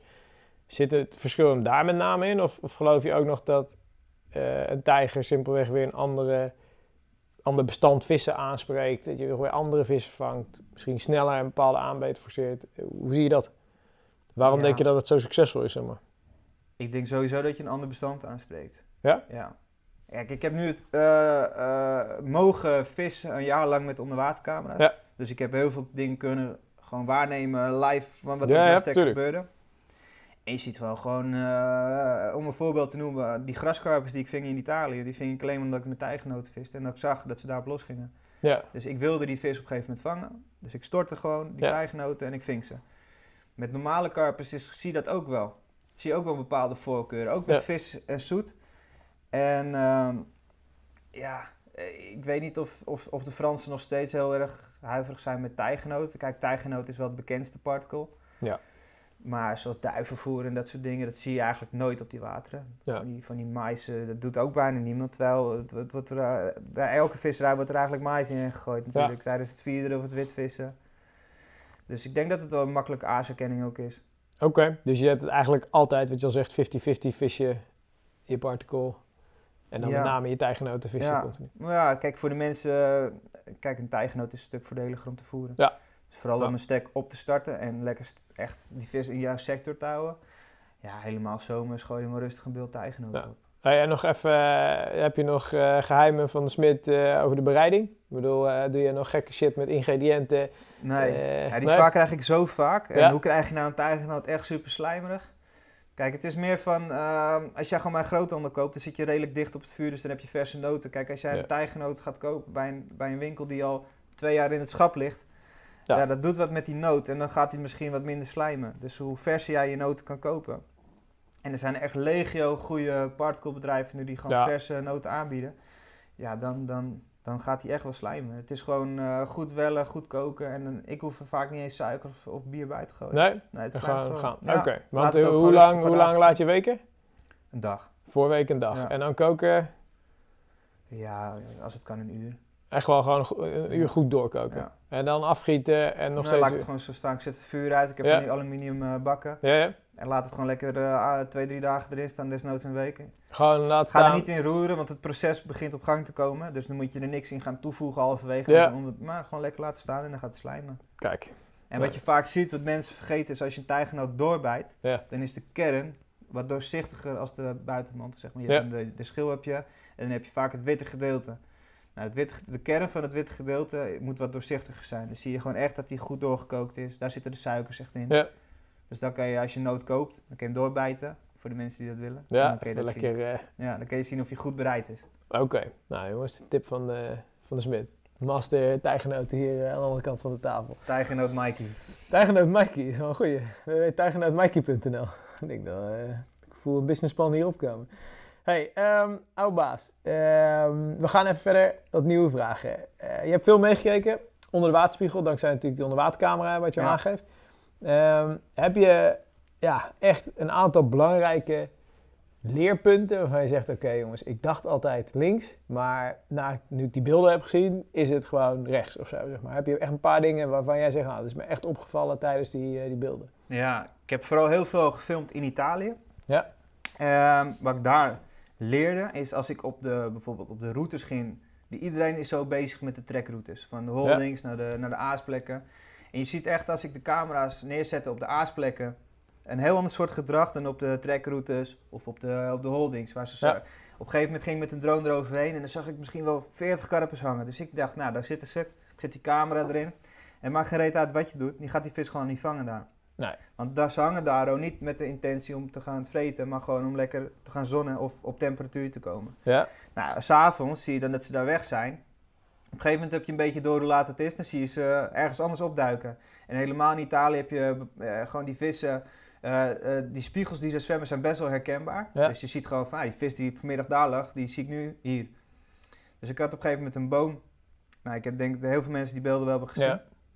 En ik denk dat ik daardoor eh, wel eh, het aasgedeelte had, want dat was in een soort van biotoop waar gewoon de vis, eh, dat was echt ver van de camping af, vis kon daar veilig azen en daar kwam ook, uh, er was een soort van rotswand en daar kwam eigenlijk alle ellende wat tijdens de regen naar beneden kwam, daar het water in. Ja. Nou, daar was het ook eigenlijk het meest ondiepe gedeelte van het plekje en daar ging die vis gewoon helemaal los. Het maakte geen reet uit wat ik erin gooide, mais, Daar pellets, alles pakten ze. Totaal. Helemaal geen. Ja, nergens voorzichtig meer mee. Alles wat ik. Al gooide ik met mijn boot boven een emmer leeg. Dan lagen ze gewoon te wachten. Ja. Deed ik dat bijvoorbeeld op een trekroute. Dan zie je toch dat die vissen ervan afwijken. Want die gebruiken ze. Je ziet wel verschillende delen van het water. Wat echt. Daarom vang je vaak ook de grotere vissen. Ja. Op bepaalde plekken. Elke keer terug. Want dat is gewoon vaak waar ze azen. Ja. En dat heb ik wel geleerd met onderwatercamera, omdat ik ze eigenlijk op alle delen van het water heb neergezet. En dan zie ik gewoon die vissen voorbij zwemmen over mijn aas. En tuurlijk, als er twintig voorbij zwemmen, gaan er wel twee of drie azen. En je Ja. gaat ze ook echt wel daar vangen. Maar het is super frustrerend als jij denkt van, nou, ik zie die vis nu voor mijn camera en er gebeurt gewoon niks. Ja. Terwijl je, voordat je dat spelletje door hebt, moet je heel veel uren gekeken hebben. En dan weet je op een gegeven moment van, nou, dit, dit is gewoon niet een plek waar ik ze ga pakken. Dus Ja. dan moet je ook geen tijd meer... Oh, liggen er 80, Ja, ja, gewoon verkasten. ja, niet anders. tijd in investeren, Ja. gewoon in andere plekken. En dat is vaak met vissen natuurlijk. Vind de locatie en waar ze, waar ze vreten en dan ga je gewoon echt rammen. En heb je voor jezelf het idee, heb je echt meer vis gevangen door die onderwaterkamer? Ja. Ja? Ja, want ik wist natuurlijk hoe laat ze kwamen. Ja, Ik zag gewoon letterlijk... eh, ik zag gewoon wanneer ze natuurlijk aankwamen zwemmen of dat ze... Het begint vaak met één of twee, drie visjes. Ja, En dat was vaak elke dag hetzelfde. En dan komt er in één keer een school graskarpers over. Dat is net een school voor ons. Dat Ja. gedraagt zich echt zo. Dat gaat gewoon echt... Een graskarper zwemt niet alleen. Die zwemmen gewoon met z'n twintig of zo. Die beuken gewoon heel die voerplek leeg. Dat Ja. wist ik. Daar voerde ik ook op. ja, Dus ik gooide vaak eerst begin veel noten, zodat ik wist dat die grassen erop bleven hangen. Ja. Dat trekt gewoon de rest van de vissen aan. En dan is er ook een soort van concurrentie meteen. Maar dat is gewoon puur omdat je mee kan kijken. Dan Ja. weet ik gewoon hoe ik daar moet inspelen. Dus dat was gewoon voeren, voeren, voeren. En op een gegeven moment wist ik, nou, eh, vanavond tussen 10 en 12 gaat het daar helemaal los. Dus ik Ja. dat ik er om 9 uur ben. Maar dat is gewoon de luxe dat je live mee kan kijken. Ja. En als je niet live kan meekijken, je dat later natuurlijk terugzien. En dat is wel het voordeel. En ja, voor de rest, het aas, aasvoorkeur. Ik wist bepaalde vissen eh, zou ik sneller gevangen op bolies. Ja. ja. En Ja. dat was het. Ik had heel veel kleine spiegeltjes. En dat zag ik dan eh, op, de, op de camera ook. Gewoon echt van die 2, 3, 4 kilo visjes. Ja, Dus dan ging ik met dubbele 24 mm proberen toch uit te schakelen. En dat lukt uiteindelijk wel. Maar dat, eh, dat is gewoon, omdat je mee kan kijken, kan je gewoon je plannetje continu blijven aanpassen. Je ziet ook als ze weg zijn, dan heb je wel het gevoel, nou ze komen nu niet meer terug. Dan kan ja. je wel, eh, en heb ik wel eens bijgevoerd, maar dan zet ik 's ochtends de camera weer aan. En dan lig je voor gewoon. Lig je voeren gewoon Ja. nog. Dan weet je gewoon, nou dat hoef ik morgen niet nog een keer te doen. Ja, dus je kan gewoon eigenlijk je hele leercurve is veel steiler. Je gaat veel sneller, ga je natuurlijk begrijpen. Ja. Wat je Nou ja, goed je hebt een soort van gameplan in het begin en dat ga je gewoon helemaal fine-tunen. En in een week twee ben je gewoon echt aan het knallen. Ja, want je weet precies wat je moet doen. en Ja, ik heb de eerste twee dagen van Italië ving ik drie vissen. Ja. En eh, volgens De mij laatste eindigden twee we- dagen, Ja, we eindigden volgens mij met dik 80 vissen. Ja, bizar. Dus we hebben echt wel eh, erop ingespeeld. Ja, ja eh, geloof ik. Ehm, hey, en als je nou niet die onderwatercamera had gehad, hè, en je had diezelfde wateren moeten lezen, maar dan zonder dat je onder water mee kon kijken. Wat zijn dan voor jou dingen waarvan je zegt van ja, daar let ik op, zeg maar. Als je even de technische hulpmiddelen... Ja, eh, als je de drones dus ook allemaal wegdenkt. ja, gewoon even weer Ja. back to basic. Eh gemiddelde gozer die naar Frankrijk gaat, heeft niet per se eh, Nee. Een drone, ook geen onderwatercamera. Dus die loopt toch wel een paar puntjes achter eh, qua mogelijkheden dan. Wat, wat waren dan voor jou dingen waarvan je zegt van, nou, zo zoek ik die vis, zo ga ik het water lezen? Ah, bijvoorbeeld in On The Move 6 hadden wij helemaal geen... eh waren ze wel bij, maar het water was gewoon te troebel. Dus dan heb je er niks aan. Ja. Wat wij dan vaak mee rekening mee houden is, we gaan eerst gewoon het water op en dan kijk je gewoon even de diepte. Vanuit gaan dat je een bootje bij Ja. hebt. En dan is het gewoon volg de wind. Helemaal in Frankrijk. eh, in, als er een warme wind overwaait of een, Ja. ja, ga gewoon op de windkant zitten als het kan. Is die koud die wind, ga in de luwte zitten. Mhm. Dat zijn een beetje de vuistregeltjes. Hou de luchtdruk in de gaten. Ja. dat soort effecten. Eh, kijk, als iedereen steeds op dezelfde plekken zit, dan, dan kan dat twee dingen zeggen natuurlijk. Dat, eh, of dat is gewoon een heel gehyped plekje. Daar heb ik Ja. ooit een keer een dikke vis gevangen. Of die vis zit er ook of gewoon vis continu. zit er gewoon ja. continu. Ja. En eh, dat is wat je... Ga er gewoon tegenover zitten en kijk wat ze doen. Nou, helemaal in Frankrijk. Ik ben wel gewoon zo van, luister, ik zit daar een week. Dus zodra jij weg bent en ik kan daar vis vangen, dan heb ik nog vier dagen kans om een dikke vis te ja, vangen. natuurlijk. Dan ga je gewoon. Ja, Ja. je moet niet al te lief zijn voor anderen. Dat zijn ze ook niet voor jou. Nee, Ik bedoel, ik heb Nee. vaak gehad dat ze gewoon 10 meter naast je komen zitten. dat geloof ik. Dus eh, durf wel gewoon ook eh, een keertje gewoon een dagje te gaan kijken. Ja. Of te investeren in andere wateren, praat met die locals. Want dat is toch wel voor heel veel mensen een drempel, omdat ze natuurlijk geen woord Frans spreken. Nee. En ik ook niet, maar met handen en voeten. Kom je er wel? Ah, je hebt wel gewoon een grote bek, toch? Ik bedoel, je gaat wel gewoon op iemand af en je, je vraagt Ja, van, eh, joh, En- hoe zit het? En, En eh, vissen, op zich, eh, iemand die Frans spreekt, die snapt heel goed wat je bedoelt. ik wou net zeggen, dat... eh, ja, maar de tip, inderdaad, eh, het is wel grappig. Mark zegt dat hier ook altijd. Van joh, wat zijn de beste tip als je naar Frankrijk gaat en je wil daar fatsoenlijk gaan vissen? Ja, leer gewoon even je basis Frans, weet je. Dat je gewoon Ja, kan dat- praten met een aantal van die gasten die daar zitten. Want je gaat zoveel meer kennis krijgen. Ja, op het moment tuurlijk. die Zorg jongens, dat je een eh, Kronenburgje bij je hebt. Dat, dat ook Ja, nog dat je ze even een beetje pleased en, en ze te vriend houdt. Eh, Ja, en ze weten wel veel, want het zijn vaak wel gewoon jongens uit dezelfde streek. Kijk, en ik ben wel zo, ik kijk natuurlijk eerst even op de kentekenplaat welk departement erop staat, want dan weet ik gewoon of het een local is vaak. Ja. Ik heb ook wel eens gasten gehad, die komen ook gewoon voor vier uur rijden eh, ja, ja, natuurlijk. heel ergens anders vandaan. En eh, dan weet je wel meteen van, nou, deze man die vist gewoon altijd. Dat Ja. is gewoon zijn streek. die weet wel wat er best gebeurt. wel wat. En dan zal hij niet misschien iets gaan vertellen over dat water waar hij nu zit, maar dan, ja, je kan het daar proberen. Ja, natuurlijk. Hij geeft je wel tips Ja, je hebt handvaten. Ja. Hey, wat is jouw eh, ultieme droom qua karpenvisserij? Als je nu kijkt voor de komende jaren, heb je echt nog iets op je wishlist staan waarvan je zegt van ja, daar wil ik echt naartoe, zeg maar? Ja, in Italië heb ik twee, drie wateren, waaronder bijvoorbeeld Bocena. Dat, dat zou ik wel gewoon heel graag bevist willen hebben. Ja, Ja, in, in Frankrijk, eh Sainte-Croix. ja. Lijkt me echt tof. Ja. Cachen, gewoon om, om geweest te zijn. Ik ben Ook bij. Cachen geweest, maar niet serieus echt aangepakt. Het was gewoon een nachtje tussendoor. ja. Ja, iedereen lacht je uit als je daar voor een nachtje komt. Het is gewoon goud zoeken. Ja. En, eh, maar dat, dat water grijp je wel. Ik snap wel heel goed dat mensen daar gewoon wel continu naar terug gaan. En zo heb ik wel wat, wat plekken wat, wat gewoon mooi is. En niet per se voor de dikke vis. Nee, Maar het is ook gewoon voor mij eh, ook wel een stukje vakantie. maar dat is nog wel een bucketlist. Die, eh, Ja, kijk, ik heb op. Croix gestaan en daar heb ik dan niet gevist. Maar het was zo genieten van de omgeving. Dat is Ja. oprecht denk ik een van de mooiste wateren. Ja, en, en het is volgens mij een half uur rijden of zo, of een uur rijden naar de kust. En dan zit je gewoon eh ja, lekker dus je kan het ook Zee. combineren eh, met Ja. een keer familie, vakantie. eh, ja. ja. Dat is gewoon goed aan te rijden. En je zegt al, want je vriendin Melissa, zij heeft gewoon, ik bedoel, ze, ze gaat ook wel eens mee. Ze vindt het vissen ook gewoon relaxed in zoverre dat ze... Ja, het vissen interesseert er natuurlijk niet zoveel. Nee, maar ze gaat Maar, wel, eh, ze steunt je, ze vindt het leuk. Ja, ze vindt er het zijn leuk. steeds meer vrouwen die vissen, hè? vergis je niet hoor. Ja, Dat, eh, nou, Melissa zou je niet zo gauw zien vissen. Die Oké. vindt het wel gauw best. Die denkt van, ja, zoek het uit. Ik wil gewoon in een mooie omgeving zitten. Ja. En dat is voor haar, het, het avontuur is ook, kijk, buiten het vissen om, dat zien mensen niet. Maar dan gaan we wel lekker eh, de dorpjes af. eh, Melissa, die houdt ook wel van, eh, van wat, eh, ja, die gaat er, die wil paracelen of jetskiën of dat soort dingen. ja, ja. Dus eh, die is ook wel heel erg avontuurlijk ingesteld. En dat kan natuurlijk perfect op dat soort Ja, dat Kijk, hebben in kan ook uh, geparaceld en dat soort dingen. Ja, Cool. dat is tof. Leuk, je goed. Hey, een paar random vragen nog en daarna gaan we, gaan we afronden. want We zitten alweer bijna een uur, eh, kerel. Welke aankoop van de afgelopen seizoenen in jouw eigen visserij is echt een eye-opener? Wat voor product eh, zeg je echt van, van oké, wauw, dat heeft me echt gewoon eh, meer vis opgeleverd, beter laten vissen. eh. waar ben je echt over te spreken? Mijn Raptor haakmat. Ja? Want je gebruikt hem ook als, eh, Als boot. als boot. Ja, nee, ik zit wel eens op putten waar je gewoon niet met een boot op man. Ja, dan Ja. zit ik er een driepoot over of weet ik veel hoe ik dat doe. Maar eh, dat, dat, dat geeft me wel even de mogelijkheid om s'nachts mijn richtje te doen. Om toch even... ja, of mijn vis even toch te halen als hij vast zit. Ja.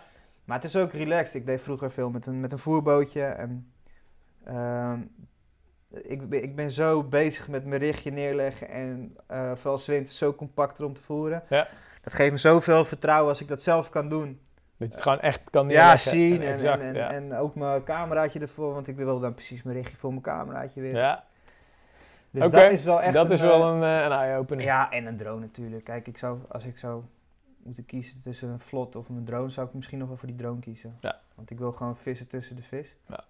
Je wil ze gewoon spotten daarmee en dan weten waar je... Ja, dat is zo makkelijk. Kijk, vroeger had ik, eh, op bepaalde plekken op de Slotenplas en op het Nieuwe Meer, de lagen die vissen gecentreerd voor de paai. Ja. Dan moest ik met mijn boot oppompen, erheen varen. Dat duurde gewoon een uur. Ja. En, nu vlieg ik eh, binnen vijf minuten, weet ik het. Weet je waar ze zijn. Ja.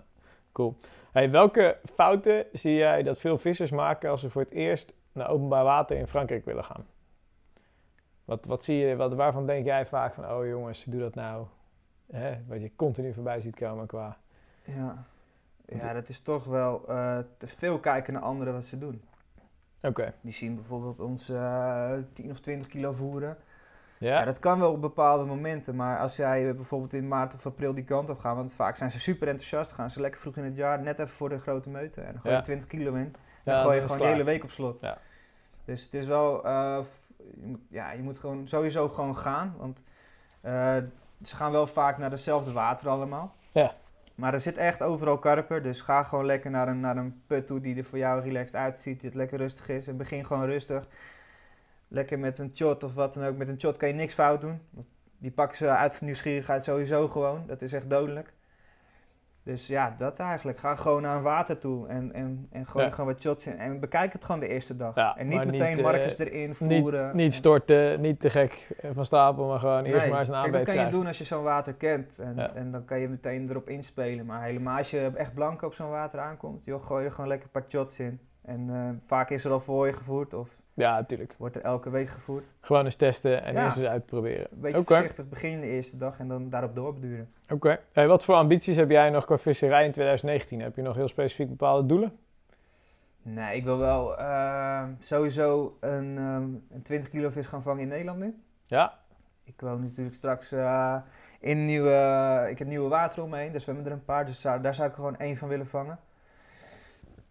Ik heb een, eh, een, een water in Zuid-Frankrijk waar ik nog heel graag zou willen vissen. Ja. Eh, dat, dat moet ik even kijken of dat, eh, dat gaat lukken in het voorjaar. Ik ben er bang voor, maar dan wordt het het najaar. Oké. Hij staat op het plan voor 2019. Ja, ik heb wel heel Cool. veel ideeën, maar ik moet gewoon even kijken of dit jaar het geschikte jaar is om Of dat, dat, te doen. je... eh, Want ik wil dat snap wel echt even serieus aan gaan pakken. Ja, En, en dat moet ook gewoon maar even kijken of dat, of dat uit gaat komen. tof. Wat kunnen KWO community members, eh, ja, die kunnen die video's van jou zien. Wat kunnen zij verwachten van jou in 2019? Wat staat er allemaal nog? Wat, wat ligt er nog op de plank? Wat komt er nog aan? Er komt sowieso nog twee keer een on the move aan van Frankrijk en een recap met eh, Michiel. Ja, Ik denk dat die ergens begin maart en eind maart online komen. Dan heb ik een nieuwe serie voor in Nederland. ja, Dus eh, dat zullen wel een deeltje of 7, 8 gaan worden. Dat is eigenlijk gewoon een, eh, misschien wel een beetje on the move-achtige sfeer, maar dan door mijn visserij in Nederland in. Ja. Want ik zit nu wat meer in Nederland. Op de grotere water wil ik gewoon eh, hele vette shit gaan doen. oké. Dus dat is echt wel gaaf. En dan gewoon on the move in het najaar gaan we weer gewoon richting Ja, Frankrijk. als je weer die kant en op dan gaan we weer gewoon verder met, met waar we mee bezig waren. Strak, strak, strak, strak. Hey, vis Mike tillen nog als hij 50 is? 100%. 100 procent. Ja, Ja. dat zit er helemaal in. Oké. En, ehm, ja, ik weet niet of ik nog zoveel tijd eh, voor, voor, voor Frankrijk zou willen maken dan. Dat weet Ja. je natuurlijk niet. Maar dat vuur, dat, eh, Ja, dat vlammetje, dat is er altijd wel geweest. dat gaat wel. En dat blijft wel, eh, blijft wel branden, ja. Kijk. ja. Hey, en denk de luisteraars staan je accent wel horen, maar wordt Ajax kampioen dit jaar? Of dit weekend? Is wel een en ander gebeurd natuurlijk. hè? Ja. Ja, ik zat wel eventjes, toen Ja? wij 1-0 achterkwamen, dacht ik van, poh. Maar 5-1 was gewoon mooi. Ja, En eh, gisteren op het werk nog even snel eh, PSV Feyenoord natuurlijk. kunnen, kunnen bekijken, dus dat deed me weer goed. Oké. Dus, Maar je ja, geeft je wel weer kans. Kijk, we hebben alles weer in eigen hand, hè? Kijk, dat hoorde ik vanochtend ook. We zitten hier met aardig, aardig wat Ajax op kantoor, jongens. Dus, hè. Ja. Maar goed. Ehm, laatste deel van de podcast, Mike. Kiezen of delen. Gewoon even op gevoel. Aantal vragen. In Frankrijk of in Nederland vissen?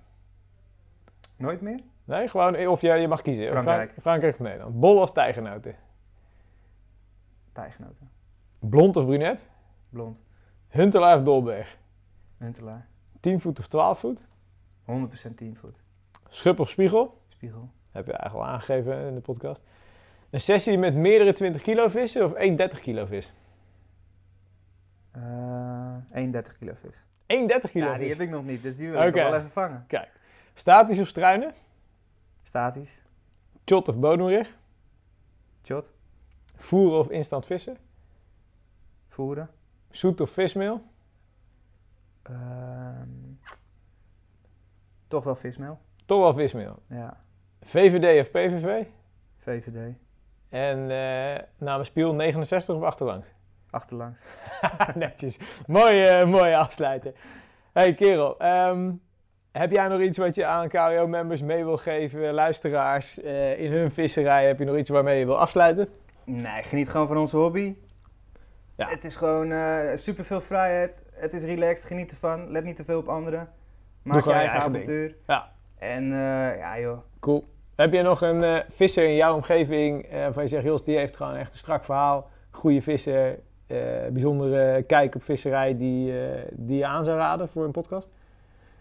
Poh, in mijn netwerk. Ja, iemand die je dichtbij hebt staan van je zegt van, nou, Veel, eh, veel gasten die wel wat te vertellen hebben. wie, wie komt erbij naar boven? Ik, Van wie heb jij veel geleerd? Naar wie kijk jij? ja, wie heb ik veel geleerd? Dat is mijn vader natuurlijk. Kijk. Maar ja, die gaat hier niet zitten. Ja, Rick van de Graaf. Ja? Eh, Ook acteur bij jullie. Ja. Auteur, schrijft veel voor jullie. Cool. Mee mogen vissen in maart. Ja, hele, hele goede visser, vangt in weinig tijd grote vissen. Cool. Rick Misschien heeft hij Graaf. wat interessants te melden aan jullie. We gaan hem eens even Goeie aan zijn staart trekken. Leuk.